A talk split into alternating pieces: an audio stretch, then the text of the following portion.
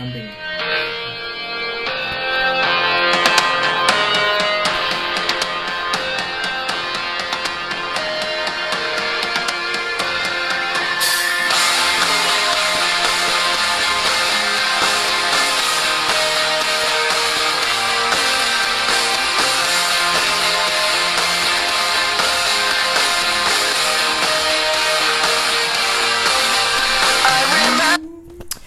Assalamualaikum warahmatullahi wabarakatuh. Kembali lagi bersama Radio FM Bersama gua Rido. Ah, Terima kasih buat kalian yang masih setia di channel podcast ini Karena dukung terus dan selalu dengarkan podcast ini Karena podcast ini akan selalu menghadirkan cerita-cerita yang menarik, lucu dan inspiratif Tentunya untuk kalian semua pendengar-pendengar setia. Ah, Baiklah, ah, gua akan eh, ngasih tahu kalian eh, bila mana kalian mempunyai cerita unik, cerita yang sangat lucu gitu, cerita yang horor, bisa kalian DM ke Instagram gua. Misalkan kalian tidak tahu cara mempublikasikannya bagaimana, nanti akan gua publikasikan di podcast ini. Oke baiklah, di sini gua ditemani seorang rekan alumni UBSI ya, angkatan tahun 2019 gimana kita dulu berjuang bareng-bareng di masa-masa kuliah. Dan sekarang kita udah lulus kita menjalani kehidupan masing-masing. Nah ini dia gue bersama Farib Setiawan. Baik apa kabar bro? Alhamdulillah baik cuy. Suaranya agak kenceng agak kenceng. oke oke. Ojo les o- apa? Ojo lemes kayak wong apa ini? Wong keleson. Ora ora ora ora. kalem kalem. Iya iya iya. Ngopi sih ngopi sih. Hmm. p p kabarmu cuk? Alhamdulillah cuy. Baik baik baik aja lu sendiri gimana ini kabarnya Oh, alhamdulillah gue mau semoga kita selalu dalam keadaan baik ya cuy ya. Gimana nih cuy? Udah lama gak ketemu u- apa usahamu piye? Ya namanya usaha ya lagi surut ya cuy piye juga kita Ngomongnya bahasa Indonesia aja cuy. Nanti kan pendengar-pendengarnya jadi orang Indonesia Oh, iya, gitu. iya. Siapa tahu bukan orang Jawa terus terus nggak ngerti gitu loh. kasih translate Ya nggak ada Oh, cuy. oke. Angel ya, susah. Pakai bahasa Indonesia coba. Gimana? Ini usahamu jelasin dulu cuy apa usahamu nih cuy. Selain kamu jadi karyawan, kamu juga punya usaha kan? Nah, coba jelasin usaha kamu apa cuy. Eh, usahaku itu eh, jualan pisang keju crispy namanya pisang keju crispy candut nah itu Alamatnya alamat Jalan Jati Pilar Cikarang Selatan Enak di Google Map ora? Ada di Google Map enggak? udah daftar, terdaftar di GoFood jadi kalau pengen rasain gimana rasanya pisang keju candut itu kayak gimana silakan aja order langsung Mantap. Tuh guys, u- buat kalian warga Cikarang udah ada di GoFood katanya. Jadi usaha pisang goreng candut bisa kalian pesan di GoFood sekarang juga. Burung guys, rasanya lumer di mulut. Ya enggak, Cok? Ah, iya dong Oke, ini gimana, Cok? Awal mula kamu buka usaha ini gimana? Kan nggak mudah ya, kamu karyawan terus punya usaha gitu kan nggak mudah. Tuh gimana awal mulanya, Cok? jadi awal mulanya ini ya kenapa sih aku kok terjun ke usaha kuliner di bidang kuliner yaitu di pisang keju crispy soalnya dari dulu itu sebenarnya sih dari zaman kuliah sih udah ada wacana sih sebenarnya pengen buka usaha nih usaha-usaha apa kan. Jadi ya udah peluang yang ada di sekitar kita kita manfaatin lah belum ada yang dagang pisang keju ya udah aku dagang. Untuk waktunya sendiri ya bagi-bagi lah cuy. Yang namanya kita kerja pagi terus sorenya dagang ya mau gimana lagi? Hidup sebagai perantauan emang harus strong harus memanfaatkan peluang sebaik mungkin lah Iya berarti harus melihat peluang yang ada di sekitar gitu ya cuy ya. Tapi kan gue lihat proses pisang keju ini kan agak banyak nih cuy dari mulai bahan-bahannya gitu kan, dari mulai cara proses pembuatannya. Nah itu gimana lo cara ngaturnya cuy? Mulai dari pengambilan bahan baku sampai ke jual gitu. Oke, eh jadi di sini kan kerjaku kan non shift. Alhamdulillahnya non shift. Kerja di salah satu perusahaan swasta di bidang labeling. Jadi masuk kerjaku tuh jam 8. Nah, dari tempat ker dari kos-kosan ke tempat kerja itu lumayan deket cuy bisa ditempuh 15 menit 10 menit udah nyampe nah, maka dari itu jadi bangun pagi itu setelah subuh itu aku biasanya ke pasar beli bahan-bahan pisang tepung minyak. sholat subuh langsung ke pasar ya habis sholat subuh kan dibilangnya habis sholat subuh oh iya iya iya iya iya Nah, nah, oke. Nah, setelah itu nanti pas pulang kerja, nah, barulah jam 4 pulang, nyampe rumah, ngadon, bikin adonan doang, nah, langsung berangkat dagang, buka dagang, prepare, jadi masak di sana. Kenapa sih pisang keju? Soalnya nggak ribet, masaknya itu di tempat, jadi nggak ribet kita harus nyiapin banyak, banyak banyak apa persiapan di rumah. Jadi cukup ngadon doang, pakai mixer udah paling cuma 10 menit atau 15 menitan udah langsung berangkat. Udah kita langsung jualan di sana gitu. Nah itu kalau untuk ritmenya cuk? Ritme jualannya kira-kira itu gimana sih grafiknya per bulan atau per minggu gitu? Ya kan kita faktanya juga tahu ya yang namanya jualan itu naik turun gitu kan. Nah itu gimana cuk ritmenya per minggu aja gitu. Ya alhamdulillah sih kalau usaha kayak gini kan kita nggak bisa cuma ngitung seminggu kita harus ngitung sebulan. Ya alhamdulillah sebenarnya sebelum wabah covid itu ya lumayan lah main habisnya kan. Bisa sampai 10 kilo pisang 4 kilo tepung itu udah banyak banget. Nah berhubung kemarin covid itu semua lini ngerasain kayak gimana dampaknya itu udah hampir turun 50% dan ngawalinnya lagi tuh udah susah banget. Dari mulai PSBB udah dibuka lagi tuh tuh masih ke ibarat kata kita mulai bisnis dari nol lagi. Dan sampai sekarang pun masih merangkak. Jadi ya pendapatan ya untung-untungan bisa bayar kontrakan itu udah lumayan banget kan sama buat makan malam lah tuh jadi seperti itulah jadi pas covid melanda itu bener-bener efeknya kuat banget ya buat pedagang-pedagang gitu ya Kuat. Soalnya apa?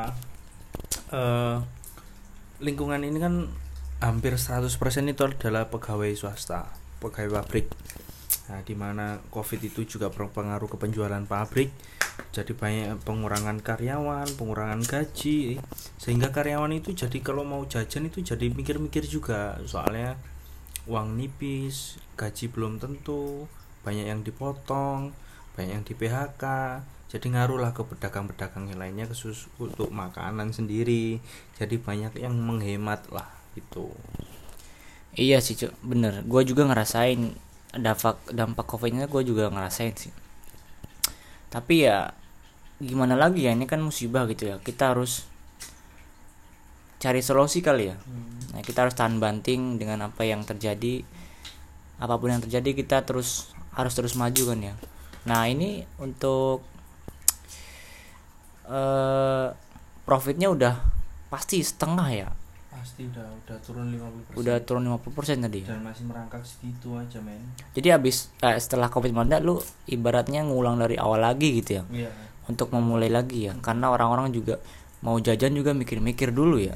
Soalnya perekonomian kita pun juga nggak stabil gitu loh. Itu berdampak banget ke semuanya. Bahan-bahan pokok makanan udah mahal, makin mahal. Terus habis itu kena covid kan banyak pengurangan. Ya, ya dampak dari itulah semuanya kena gitu. Jadi sebenarnya sih ya sangat disayangkan hal kayak gitu kayak covid itu sebenarnya kan wabah yang kayak gimana ya menurutku udah rugiin banget berdampak banget untuk ekonomi kita. Yaitu yang masih belum ketemu kan gimana kita nyari jalan keluarnya gitu loh. Buat normalin keadaan ekonomi yang sebelum covid itu. Iya tapi eh, kalau gua sendiri mikirnya eh, kalau kita nunggu covid berhenti itu kayaknya agak susah ya karena dari segi dunia pun belum tahu cara menghentikan covid ini kayak apa. Nah sebenarnya kita tuh memang lagi di ambang resesi sih negara kita ini cok lagi pengen bangkrut. Tapi ya kita sebagai warga juga agak kesulitan ya untuk keluar dari zona ini ya. Udah semakin susah nanti ditambah susah lagi gitu. Nah ini gimana caranya? Lu nggak ada ide lain gitu? Eh, nggak misalkan cuma ngandelin jualan atau lu punya ide lagi untuk ke depan gitu? Nggak cuman jualan doang ini atau lu punya pengembangan bisnis lagi gitu untuk ke depan? Gimana? Paling untuk ke depannya ya kita gimana caranya bisnis kita bisa dijangkau oleh semua masyarakat tanpa hadir ibarat kata ya salah satunya tadi gue udah daftar ke GoFood. Sebenarnya GoFood pun sendiri kemarin gue tuh daftar ada kesulitan Bray pas masa-masa Covid itu tuh emang kesulitan banget. kenapa ya nggak tahu ya dari sistemnya mereka tuh nggak bisa bisa mulu daftarnya kan daftar online. Ya, baru di ACC itu baru pertengahan bulan ini. Oh, awal bulan awal bulan baru. Gue daftar itu sebelum Agustus. Jadi awal-awal bulan baru bisa diproses. Itu pun susah banget gitu kan. Ya mulai dari situlah kita ide. Jadi yang terpenting sekarang itu gimana sih caranya kita bisa keluar dan bisa fight sama covid itu sendiri seperti apa? Itu yang paling penting. Itu yang belum berkata belum terpecahkan lah solusinya selama ini kan? Makanya itu kita harus gimana caranya gitu. Bisnis tetap berjalan meskipun keadaan covid seperti ini gitu kan. Apalagi di bidang kuliner. Semua ngerasain kok men kalau bidang kuliner tuh udah hampir stuck semua udah. Jadi kenapa aku masih bisa lanjut dagang? Itu kenapa? Rugi pasti ada ruginya. Mungkin rugi waktu tenaga itu pasti. Tapi seenggaknya jangan sampai gulung tikar lah. Kita tetap jalan apa pun itu yang terjadi tetap berusaha jalan itu aja. Iya pasti dalam usaha tuh untung rugi itu pasti terjadi ya cuy yang nggak bisa dihindari. Nah ketika ketika lo mengalami kerugian ini cuy eh, apa yang lo rasain gitu dan apa yang harus lo lakukan gitu untuk untuk tidak terulang lagi sih untuk eh, memperbaiki apa yang kurang apa yang salah agar lo tuh nggak rugi lagi gitu. Sebenarnya sih nggak ada yang salah itu kan. Kita nggak bisa ngadain kita nggak pernah bisa nyalain keadaan gitu kan. Jadi ya caranya ya ya itu tadi. Gimana kita caranya bisa jangkau semua masyarakat kan balik normal juga susah. Jadi emang mungkin pasarannya dan kondisi saat ini kayak gini ya udah mau gimana lagi gitu loh kan. Yang penting kita udah berusaha semaksimal mungkin gitu kan. Kita cari solusi. Mau banting setir pun juga susah. Mau usaha apa lagi kan. Kita buku butuh modal lagi butuh dari nol kan. Ya lagi belajar belajar nol mulai dari nol apa sih peluang yang tepat untuk kondisi covid saat ini gitu kan Iya, tapi nih eh lu kan memutuskan untuk membuat usaha di bidang kuliner. Nah itu waktu lu mempunyai ide itu lu eh, sudah yakin gitu kalau usaha ini tuh tepat untuk lu dan menghasilkan gitu. Itu lu eh, prediksinya dari mana? kalau gue sih eh, emang dari dulu sih sebenarnya latar belakang gue kan dari keluarga sebenarnya sih bukan dari pedagang ya cuy kan makanya gimana sih caranya gue tuh pengen belajar dagang gitu loh. Pengen belajar jadi pedagang. Nah, mungkin orang-orang liatnya uh enak lah dagang gini tapi ga- dagang gini. Tapi kan kita belum ngerasain ya kan? Makanya itulah aku kenapa harus terjun pengen belajar langsung ke lapangan terjun dan bikin usaha. Kenapa sih aku milih pisang keju? Soalnya sekitaran sini sekitaran jalan pilar itu itu belum ada pisang keju.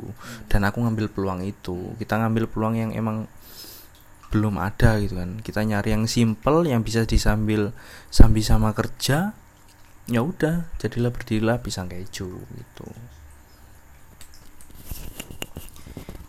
Eh, tapi selama lu jalanin usaha lu pasti capek banget ya cuy ya. Itu lu bukanya setiap hari. Aku biasanya kalau capek banget sih nggak buka. Paling hari Jumat. Biasanya biasanya tak jadwalin tuh Jumat libur. Tapi kalau udah capek banget ya udah libur. Kita nggak maksain sih. Oh nggak maksain. Berarti kira-kira lu seminggu itu liburnya satu hari ya. satu hari Tapi kalau tapi kalau lu capek banget itu bisa dua hari ya. bisa dua hari ya. Ah, berarti jam kerjanya lim- enam hari ya? Seminggu. Itu bukanya dari jam berapa sampai jam berapa? gue buka itu dari jam 5 cuy jam 5 paling jam 6 lah udah siap itu sampai jam ya nggak mesti lah kadang-kadang paling malam itu sampai jam 12 jam 11an lah udah udah waktunya tutup soalnya kan gue udah punya pekerjaan yang emang harus wajib gue bertanggung jawabkan yaitu kerja di PT gitu Iya, jadi kisaran jam 5 sampai jam 11 ya, kira-kira jam kerjanya ya. Untuk usaha ya. Terus besok paginya lu langsung berangkat ke PT ya. Nah, itu eh, kira-kira tuh di jam berapa gitu loh yang rame pembeli gitu. Kan ada jam-jamnya ya biasanya ya. Nah, itu kira-kira di jam berapa gitu pembeli itu rame? paling pembeli rame itu paling ya di jam-jam habis maghrib cuy habis maghrib terus sampai jam 9 nah itulah orang-orang pasti nyari makan pasarannya emang rata-rata jam segitu kalau di Jati Pilar mah gitu Ah, Nah, itu s- misalnya nih ya, misalnya dagangan lu nggak habis misalnya nih. Misalnya itu lu apain, Cuk? kalau dagang nggak habis paling nggak habis tuh tepung cuy tepung kan udah adonan tuh nggak bisa dipakai besok jadi ngebuang Oh, karena udah di adon cuma tinggal goreng gitu ya. iya kan tinggal goreng Tinggal goreng ya karena jadi kalau misalnya nggak misalnya nggak habis lah nggak habis lah. Adonannya ya? Bukan Adonannya, di bukan bukan, di bukan pisangnya? Bukan. karena lu bikin di situ ya? Mm-mm. kalau pisang kan gue ngiris ngupasnya kan di situ. Hmm. belah ngupas semuanya di situ goreng di situ. Jadi adonannya itu nggak bisa buat besok jadi ngebuang. Gue itu pernah men. Ngebuang itu hampir 2 kilo pernah. Dua kilo banyak ya? Banyak cuy. Dua kilo itu jadi berapa? 2 kilo itu bisa jadi berapa bungkus? Kalau diuangin bisa jadi 200 ribuan dua kilo. Wah, banyak ya. sehari? Sehari. Itu kalau sepi banget ya paling yang goreng cuma berapa men? Dapatnya berapa? Kan nggak dapat apa-apa cuma Itu dapat capek. nggak bisa diolah lagi. Nggak bisa. Itu nggak bisa. Meskipun masuk kulkas besoknya itu nggak bisa. Rusak kualitas malah tapi kan kayaknya masih enak dimakan nih kalau gorengannya bisa Hmm. bisa buat besok. Tapi kan nggak pernah. Paling tak kasih kasihin lah kalau emang nyisa banyak terus habis itu udah waktunya pulang ya udah tak kasih kasihin orang lah. Hmm. tuh daripada dibuang paling buang ya adonan. Kalau pisang kan nggak selama pisang tuh nggak dikupas ya aman buat besok.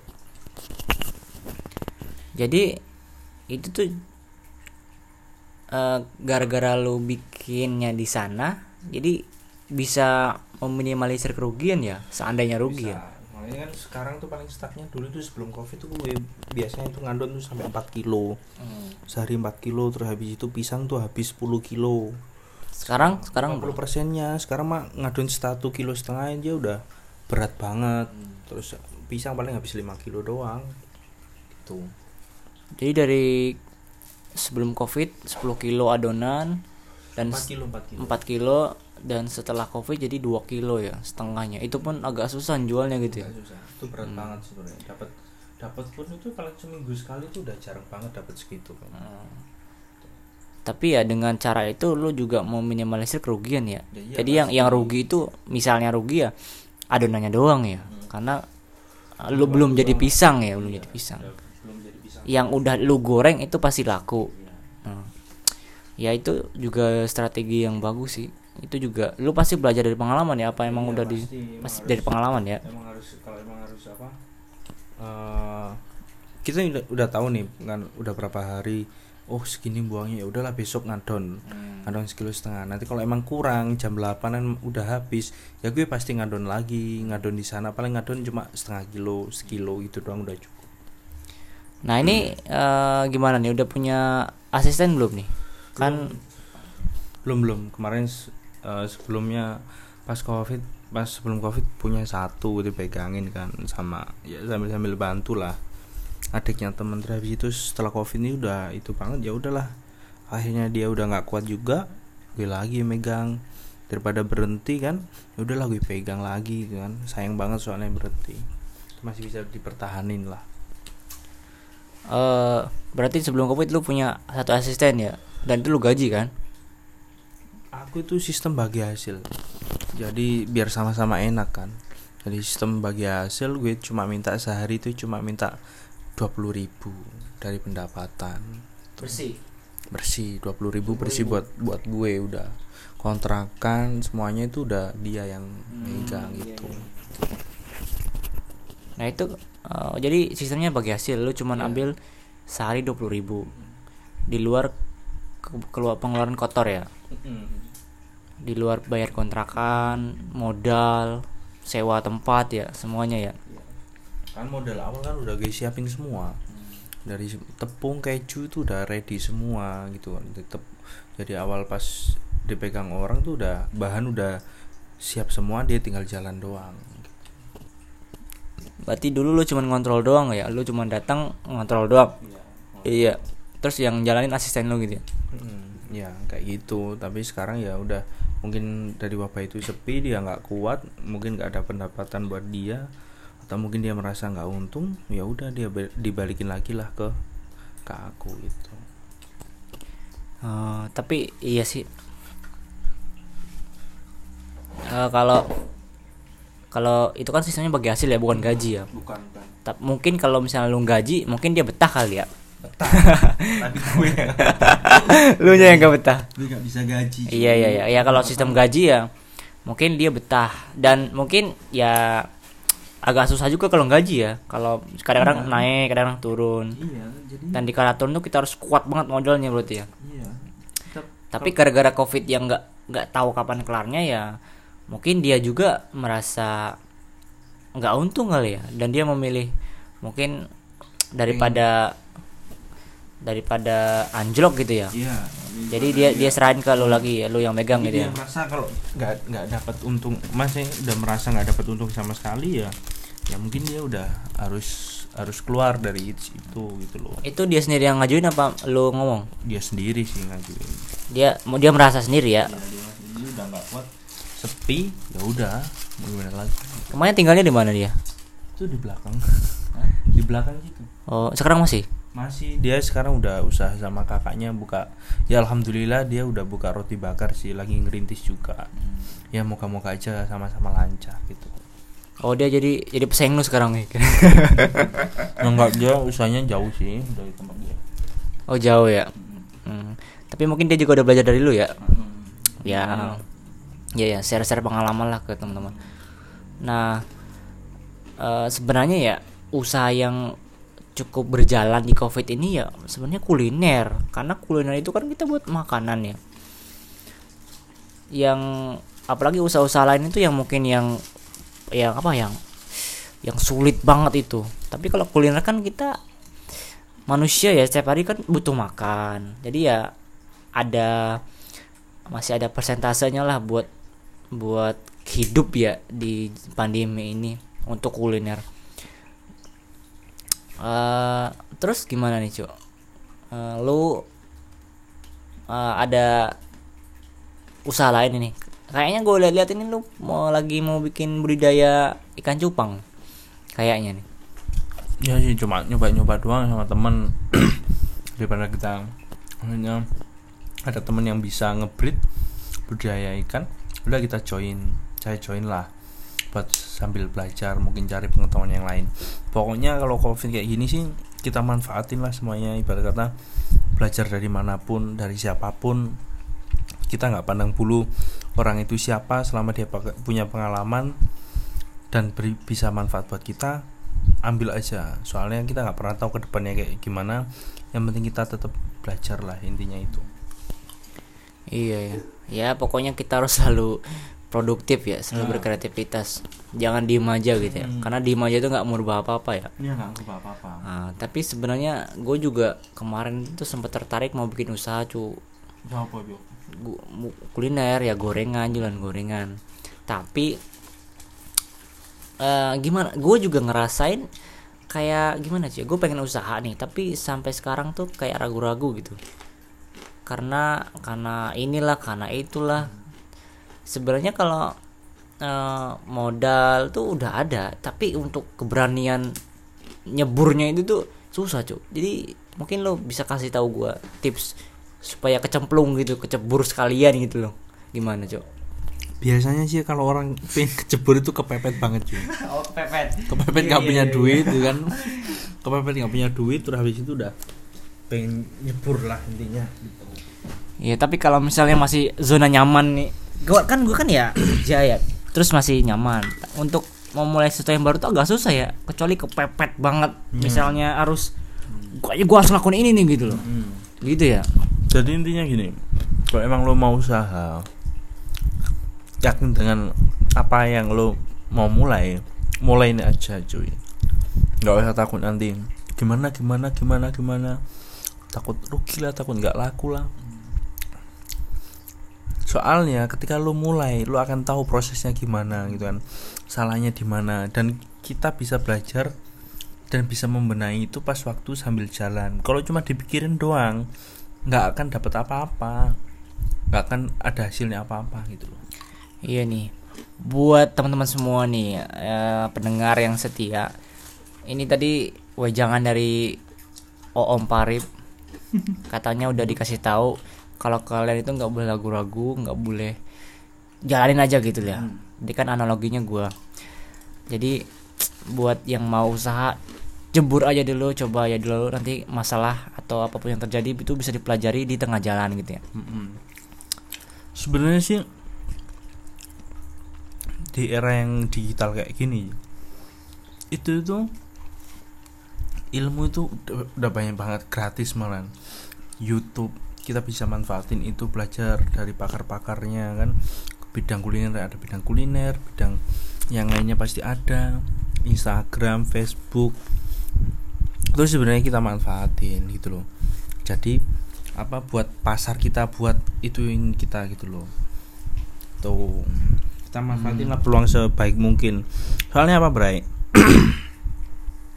Gue tuh jujur sebenarnya lemah di media sosial. Pemasarannya pemasarannya apa susah di media sosial. Jadi kalian yang lagi tekun di media sosial ya manfaatin itu sebaik mungkin gitu kan. Nggak cuma ikut-ikutan dan bisa ikut-ikutan doang gitu kan. Manfaatin gimana sih itu bisa jadi profit lo? Gimana sih itu bisa jadi penghasilan tambahan lo gitu? Itu aja sih. Oke, nah itu untuk di lu gimana cuk? Eh, imbas dari corona, masuknya masuk PT-nya masih normal kayak dulu. alhamdulillah kalau PT ku masih di bidang label masih aman nih tambah rame tapi iya soalnya banyak bikin hand sanitizer Oh, Stiker- bikin bikinnya sanitizer dulu, stikernya itu. stikernya doang kan kan Hmm. bidang stiker jadi dia banyak yang vendor-vendor bikin hand sanitizer obat-obat Oh, iya, itu iya, makin iya. banyak alhamdulillah lah gak ada berdampak parah gitu doang Bukannya berdampak tapi malah untung ya.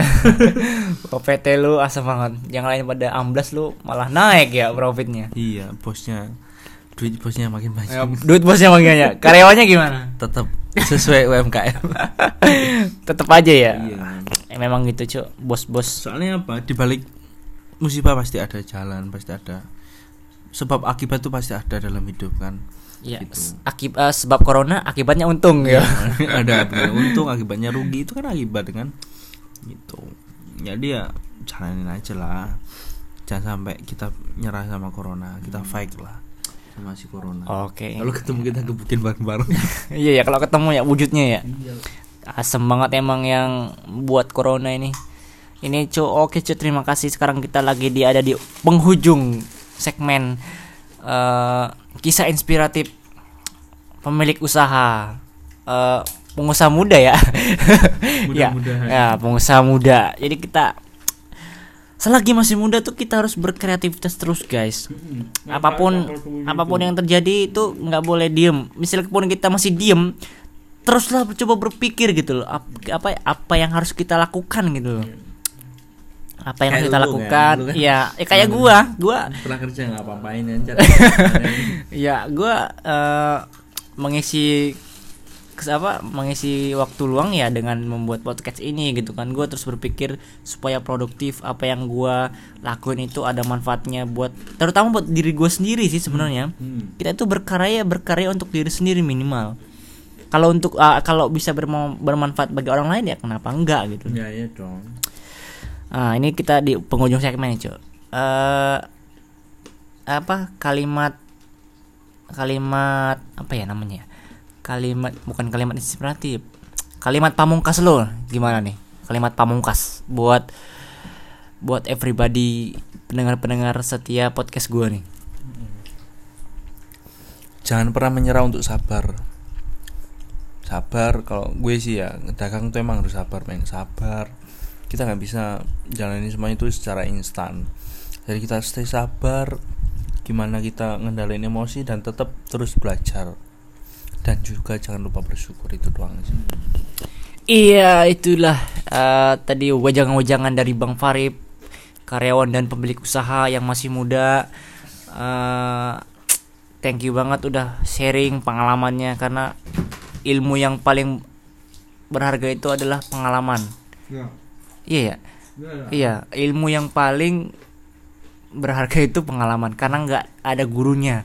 Ah, guru yang paling berharga itu adalah pengalaman ya, Ci. Gimana sih?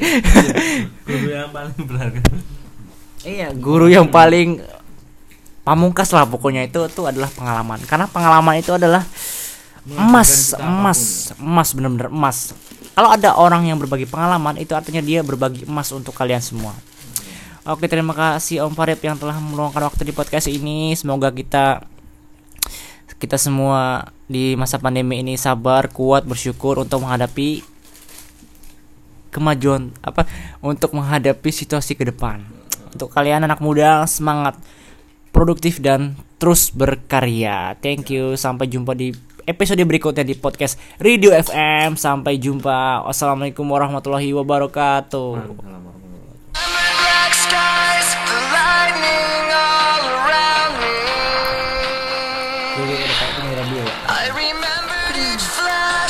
Time began to burn. Like a startling sign that fate had finally found me. And your voice was all I heard. That I get what I deserve. So give me reason to prove the